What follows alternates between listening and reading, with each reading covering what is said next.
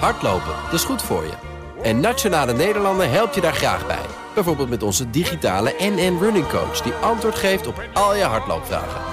Dus, kom ook in beweging. Onze support heb je. Kijk op nn.nl slash hardlopen.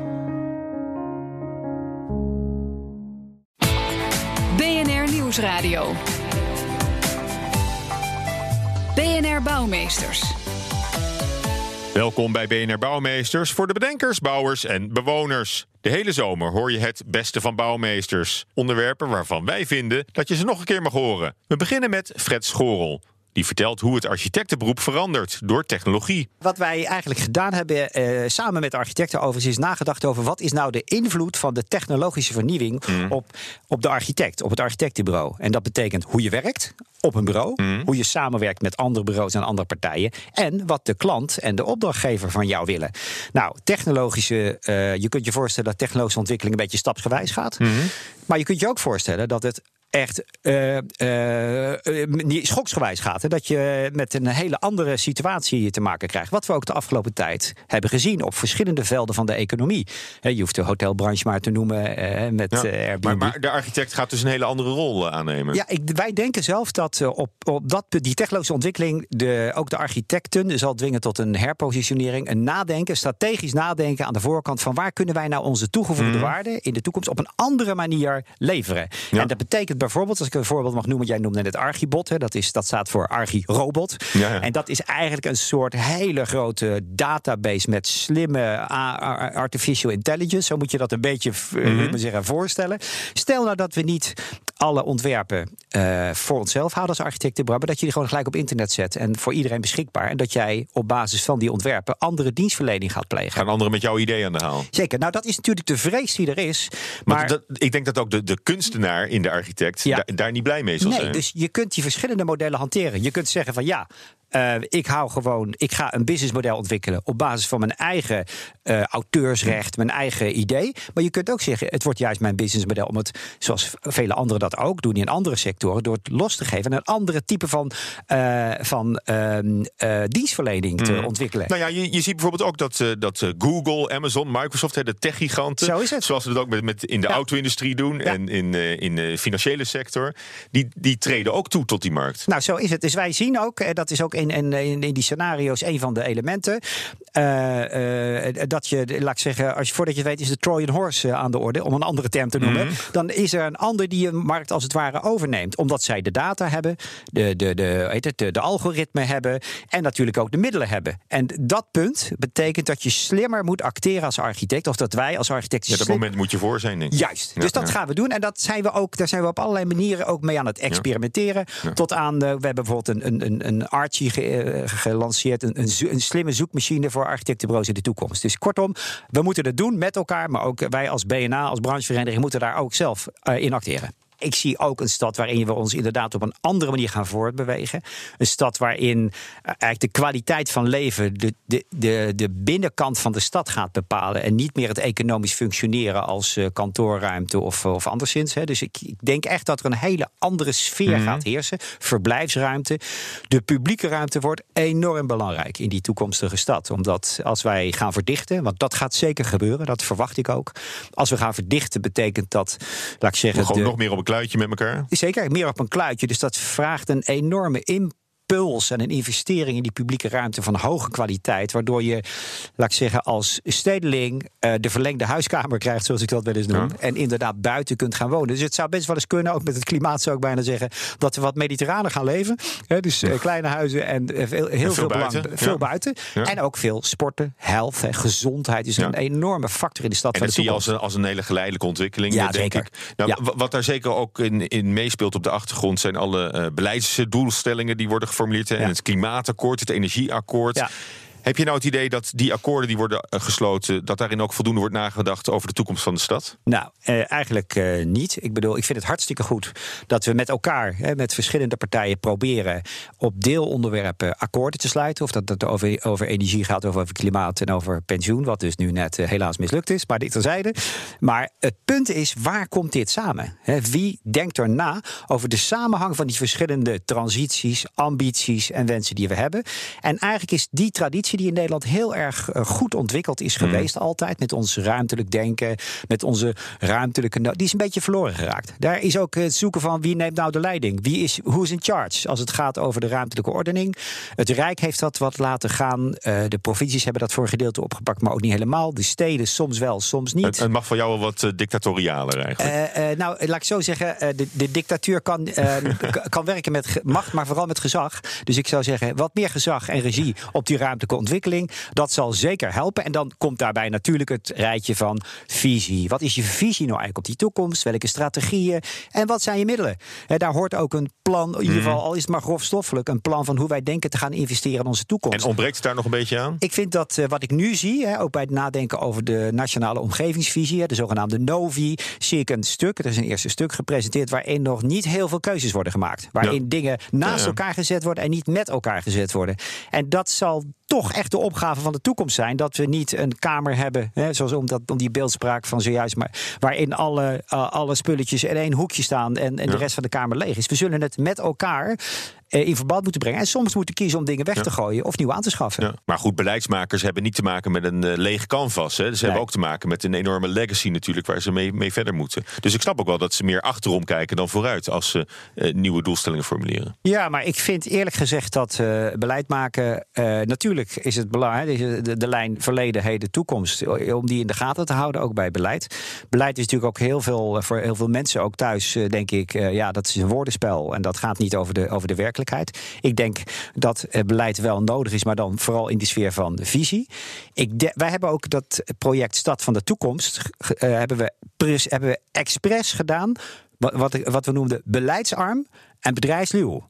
En wat bedoelden we daar nou mee? Beleidsarm is dat we niet allemaal beleidstukken over elkaar heen gingen leggen, maar die zegt dit en die zegt dat, zodat je in een soort ja, ehm eh, beleidsdolhof terechtkomt van wat is nou wat, waar en hoe. En, maar dat je echt uitging van wat zien wij aan ontwikkelingen on- en trends en op basis daarvan de toekomst voorspellen. En ik denk dat dit ook, zeg maar, in die zin voor de beleidsmakers, of ze nou op eh, rijks, provinciaal of gemeentelijk niveau, Ja. heeft geholpen. En tegelijkertijd, ook ons project was heel belangrijk om capacity building te doen. Dus van de, de, human capital. Je moet het met mensen doen straks. Ja. Je kunt wel van alles verzinnen. Je moet het met mensen doen. Dus zorg dat die mensen ook weten wat er aan de hand is. Hoe je daar met ontwerpend onderzoek eh, aan de slag kunt gaan in de eerste fase. Hoe dat helpt, hen zelf helpt om daarin verder te komen. Want het is echt een, een vak. Ja, en dat heeft eh, tien ontwerpvisies opgeleverd Ja. voor de vijf eh, grote steden. Ja. Ehm, eh, voor Amsterdam, Den Haag, Rotterdam, Utrecht en Eindhoven. En ja, dan zijn weer de vertrouwde thema's. Hè? Mobiliteit en infrastructuur. Hè? Iedereen een deelauto of, eh, of supersonisch OV. De Hyperloop eh, komt er misschien aan. Ja, klimaat, duurzaamheid. Hoe kunnen we de klimaatdoelen halen van, van Parijs? Eh, circulaire economie. Is daar nou één... ehm, beleidsterrein van wat jou het meest aanspreekt? Wat, wat is jouw favoriet erin? Eh, eh, nou ja, beleidsterrein, dat is nog weer wat anders als onderwerp natuurlijk. Eh, wat ik zelf wel heel interessant altijd vind, is het zoeken naar oplossingen die aansluiten op wat mensen willen, zeg ik toch eventjes. Hè? Dus het, de- anders heb je de neiging om er toch iets op de stad te leggen. En het moet in die stad, als het ware, geaard zijn, geworteld zijn. En, en wat je ziet is dat in deze plannen, dat er ook een hele duidelijke ambitie zit om die stad van de toekomst met de bewoners te maken. Hè? Dus de Ja. nieuwe collectiviteiten, nieuwe allianties met partijen. Dat kunnen meer dan bewoners zijn. Dus hè, de ondernemers, bewoners en anderen. Ja, nee, maar ik, ik, ik snap je, je bevlogenheid ook. Ik, ik, je, je vertelt er ook heel enthousiast over. Maar tegelijk zijn er, zijn er mensen in de stad zelf die Ja. zeggen van... Nou, ik heb helemaal geen zin om eh 30.000 euro eh, te, te betalen voor een, eh, voor een warmtepomp. Nee. Eh, Dus dan zit je met, eh, Gelijk dat met- in ieder geval met, met je energieverhaal zit, zit je dan al... eh, ja, nou, daar loop gaat je dan het- al vast. Ja, maar als je zeg maar, eh, want daar gaat dit, deze eh, visies van de toekomst om, die gaan niet over wel of niet een, eh, eh, een, eh, een warmtepomp. Overigens momenteel nog een slecht idee. stadsverwarming. Stadsverwarming, daar gaat het wel over. Kijk, je kunt wel met elkaar die structuren, dus die robuuste Hmm. structuren in die stad, die worden in al die in, in een aantal van die ontwerpvisies heel nadrukkelijk gelegd. Van hoe kun je nou zodanig een robuuste energiestructuur in de stad ontwerpen, waardoor je dit soort geëmmer op individueel niveau niet hoeft te hebben en je slimmere oplossingen voor ons samen kunt verzinnen. En daar zijn wel aanzetten voor gegeven. Hey, en van die tien ontwerpvisies, Ja. welke staat eh, voor jou bovenaan? ja, dat is natuurlijk eh, levensgevaarlijk om, eh, om dat te zeggen, omdat er hele. eh, ik vind zelf eh, bijvoorbeeld het eh, plan. Nou, nou, nou, laat ik het ook anders vragen. Ja. Lopen ze eigenlijk heel ver uiteen? Of, of is het een, andere, een andere pitch voor, voor feitelijk hetzelfde, eh, hetzelfde nee. idee? Nee, dat, is, ja, dat vind ik ook de kracht. Wij, wij, wij spreken ook graag over een repertoire aan oplossingen voor verschillende soorten stad. Het, eh, de stad van de toekomst is niet eenvormig. De stad van de toekomst heeft verschillende eh, gebieden. Of het nou een gebied is waar veel infrastructuur is. Hè. Er zit een havenstad in Amsterdam in. Er zit een meer stationswijkachtig gebied in, in Eindhoven. Verschillende gebieden vragen om verschillende oplossingen. Anders ben je echt je vak niet waard als je niet voelt dat de context en de geschiedenis en, en het bestaande in de oplossingen meegenomen moet worden. Dat heeft een heel sterk accent in deze plannen. Ik vind zelf eh, het idee bijvoorbeeld van eh, Havenstad in een van de plannen om overmaat aan de voorkant mee te nemen in het ontwerp van een nieuwe stad. In plaats van dat je, eh, dat je alles dicht eh, ontwerpt en juist die toekomst geen kans geeft. En daar, dat vind ik een heel mooi idee. En, Ja. Nou eh, ja, we- we- wat wel dreigt natuurlijk is als we zo op de stad gefocust worden... dat we het platteland helemaal vergeten. ja, klopt. En ik kan me Henk Krol herinneren, die had bedacht dat eenzame ouderen prachtig konden gaan wonen in die leegstaande boerderijen. Ja. Is, is Krol ook een, een visionair op, op zijn manier? Of, eh, of kan je dat niet serieus nemen? Ja, ongetwijfeld, alhoewel die eh, ja, eh, nou ja, daar ook nog wel wat problemen mee heeft. Maar ik zou hem niet als de planoloog van de toekomst willen, willen benoemen. Maar nee, je, je punt van het platteland heb je helemaal gelijk in. Ik zie trouwens ook best wel een draai. Wij moeten meer in de stad. En het grappige is dat in de slipstream van die aandacht voor de verdichting van de stad... nu de aandacht voor het platteland komt. En dat de Rijksbouwmeester heeft er, heeft er een tijdje geleden... als je het ontsluit met snelle verbindingen naar, naar de stad waar het gebeurt, Ja. dan, eh, dan heb je ineens enorm de ruimte. Ja, zo is dat. Dus dat is wel een. Er zit een soort. Niet helemaal een complementariteit, maar ze kunnen elkaar wel degelijk eh, aanvullen. En natuurlijk, eh, wij zien ook in de bewegingen van mensen. Hè, vroeger de stad uit, nu weer de stad in. Hè, dus er zit ook een, in de tijd kun je dat helemaal niet voorspellen over 30 jaar dat mensen echt allemaal in die stad willen wonen. Of dat er een nieuw soort landelijkheid ontstaat met het, het idee van Arcadië ligt in Oost-Groningen. En dat je op basis daarvan juist weer met ideeën als de blauwe stad ooit eh, moet komen. Dat mensen, dus ik vind ook dat je daar dat dat idee van flexibiliteit, zoals dat ook in een aantal van deze visies zit, dat dat cruciaal is. Dus robuuste structuren gecombineerd met flexibiliteit. Ik kan me voorstellen dat het voor de luisteraar vaag is, maar toch eh, een stevig wandje, daar kan je mooie dingen aan ophangen en weer opnieuw aan ophangen. En dat is eigenlijk wel wat we proberen te doen met eh, deze visies. Je luistert nog steeds naar het beste van bouwmeesters. En we gaan verder met Floris Alkemade, de Rijksbouwmeester. Met dat college van Rijksadviseurs, waar, waar u dus eh, voorzitter van bent, of in ieder geval deel van uitmaakt, heeft u onlangs dat masterplan voor Nederland gepresenteerd. Hè? Panorama Nederland. Een toekomstperspectief met eh, vier thema's: water, het boerenland, verstedelijking en duurzame energie. En wat opvalt als je dat eh, boek leest, ik, ik heb het hier ook eh, liggen, u heeft meegebracht. Het is niet alleen een boek, het wordt ook gepresenteerd in een, daadwerkelijk in een panorama, zoals Panorama Mesdag. Cirkelvormige Zo'n eh, cirkelvormige panorama. Ja, koker ja, waar je dan in staat als het ware. Maar wat opvalt, ja, er is ook een app van. Wat opvalt is vooral het, het, het eindeloze optimisme wat, er, wat eruit spreekt. Het is duidelijk met veel plezier geschreven. Een toekomstvisie voor, nou, eigenlijk voor de, voor, voor de volgende eeuw pas. 2100, dat is een beetje wanneer Nou, het... nee, eh, nee, nee, nee, het is eh, sneller hoor. Wij, wij mikken eerder op 2140 eh, Oh, ja. dan, of eh, 2040 dan Ja. op 2100. Nee, nee, het kan zeker op een aantal punten veel sneller. Maar de maar, essentie... maar opvallend is het optimisme. Nee, zeker. Want we zeggen van kijk eens op hoeveel relevante terreinen, die vier thema's die we hebben genomen, grote veranderingen zijn nodig. Zeldzaam dat de generatie eh, zulke relevante thema's een beslissende wending kan geven. En eh, wij kijken eigenlijk ook terug naar bijvoorbeeld een tijd als de wederopbouw. Hè, toen ze het absoluut heel veel moeilijker hadden dan wij nu. Hè. En, en dat optimisme wat ze toen hadden om een nieuwe maatschappij op te bouwen. Alles pleit ervoor om nu hetzelfde optimisme toe te passen. Want daar vergelijkt u het echt mee. U heeft echt het idee dat we in, in zo'nzelfde tijdsgevricht staan als net na de Ja. oorlog. Nee, er zal heel veel anders moeten. Hè? En eh, dat geldt. eh, hè, Wel, De, de eh, energietransitie, duurzaamheid, Ja. eh, waterbeheer. Precies, hè? en dat zijn grote vragen. Soms betreffen ze gewoon het lot van een hele planeet, hè? als je het Ja. over de klimaatverandering hebt. Tegelijkertijd, eh, je kunt, en zeker met de kennis en de welvaart die we in Nederland hebben, daar hele belangrijke stappen in zetten. En als je dat in samenhang bekijkt, dat is eigenlijk onze belangrijke boodschap, eh, dan komen er ineens prachtige kansen naar boven. Ja, want die andere rijksadviseurs, eh, die, die zijn dan niet van de, van de gebouwen, maar... We hebben een, ja, ze heet Rijksadviseur van de fysieke leefomgeving, maar ze vertegenwoordigen enerzijds uh, het meer het landschappelijke deel, mm. anderzijds het meer het infrastructuur. Oh, dus dat is, het, dat is het complete ja, plaatje dan van, van de gebouwde omgeving, dus eigenlijk uh, ook. En uh, ja, schoner, hechter en rijker Nederland in de toekomst. Dus eigenlijk neemt u al die uitdagingen bij elkaar.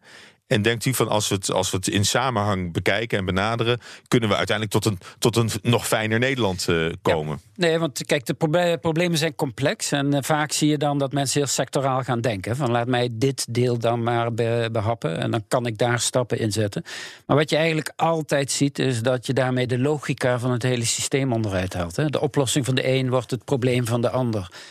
Pas als je het ruimtelijk bekijkt en integraal en ook vanuit de lange termijnblik ga je ineens verbanden zien die een soort andere logica in het verhaal brengen. Ook een andere financiering mogelijk maken. Nee, kunt u daar een voorbeeld van geven? Nou, als je bijvoorbeeld kijkt uh, naar de landbouw. Hè, uh, we geven ontzettend veel geld aan de, aan de boeren, hè, aan het voedsel mm. produceren. Tegelijkertijd zien we dat uh, de natuurwaardes hard onderuit gaan. de bodem verslechtert. En de boeren blijven straatarm. Hè? Dus dat systeem werkt niet. Hè? Dus met het Rijk Boerenland, hè, een van de hoofdstukken, zeggen van nou, wat als je het nou omkeert? Hè? Als je nou zegt, we nemen de draagkracht van de bodem als uitgangspunt. Hè? En als maatschappij vragen wij een andere en duurzame voedselproductie. We vragen mm. mooiere landschappen, we vragen natuurontwikkelingen.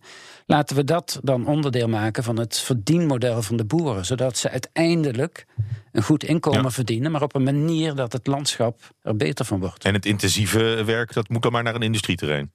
Ja, kijk, je hebt, uh, als je kijkt naar de, de nieuwe kassentechnieken. Ongelooflijk knap en efficiënt hoe die voedsel produceren. Dat is een industrialisering van de voedselproductie waar we heel veel plezier en welvaart van hebben. Maar zeggen we, haal dat soort functies nou van het hmm. platteland af. Hè. Breng dat gewoon naar de mainports, breng dat naar de grote infrastructuur.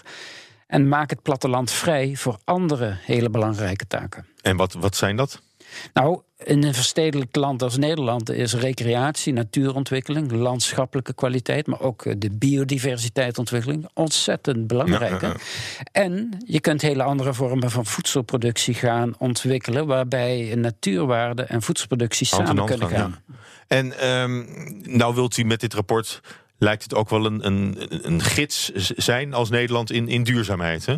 Ja, kijk, want. Uh, iedereen, kijk, op het moment dat je optimistisch bent, uh, is naïviteit ligt dichtbij. Hè? En wat wij zeggen van. Uh, Kijk, want vaak krijg je te horen, ja, Nederland is zo klein, wat wij ook doen op wereldschaal zal het niet uitmaken. Hè? En uh, ja, dat kun je een rekenmachine langsleggen, dan klopt dat misschien ook wel. Maar wat wij zeggen, als een land als Nederland het niet lukt, hè, met zijn goed opgeleide bevolking, met al zijn welvaart, dan mm lukt niemand het. Andersom geredeneerd, als wij het wel voor elkaar krijgen, dan kunnen we echt weer eens een keer uh, gidsland zijn voor een hele wereld die aan het zoeken is naar duurzame principes. Ja, en het is niet dat, dat het nu al nog ergens misgaat waarvan u zegt dat dat moeten we nu eh, bijsturen?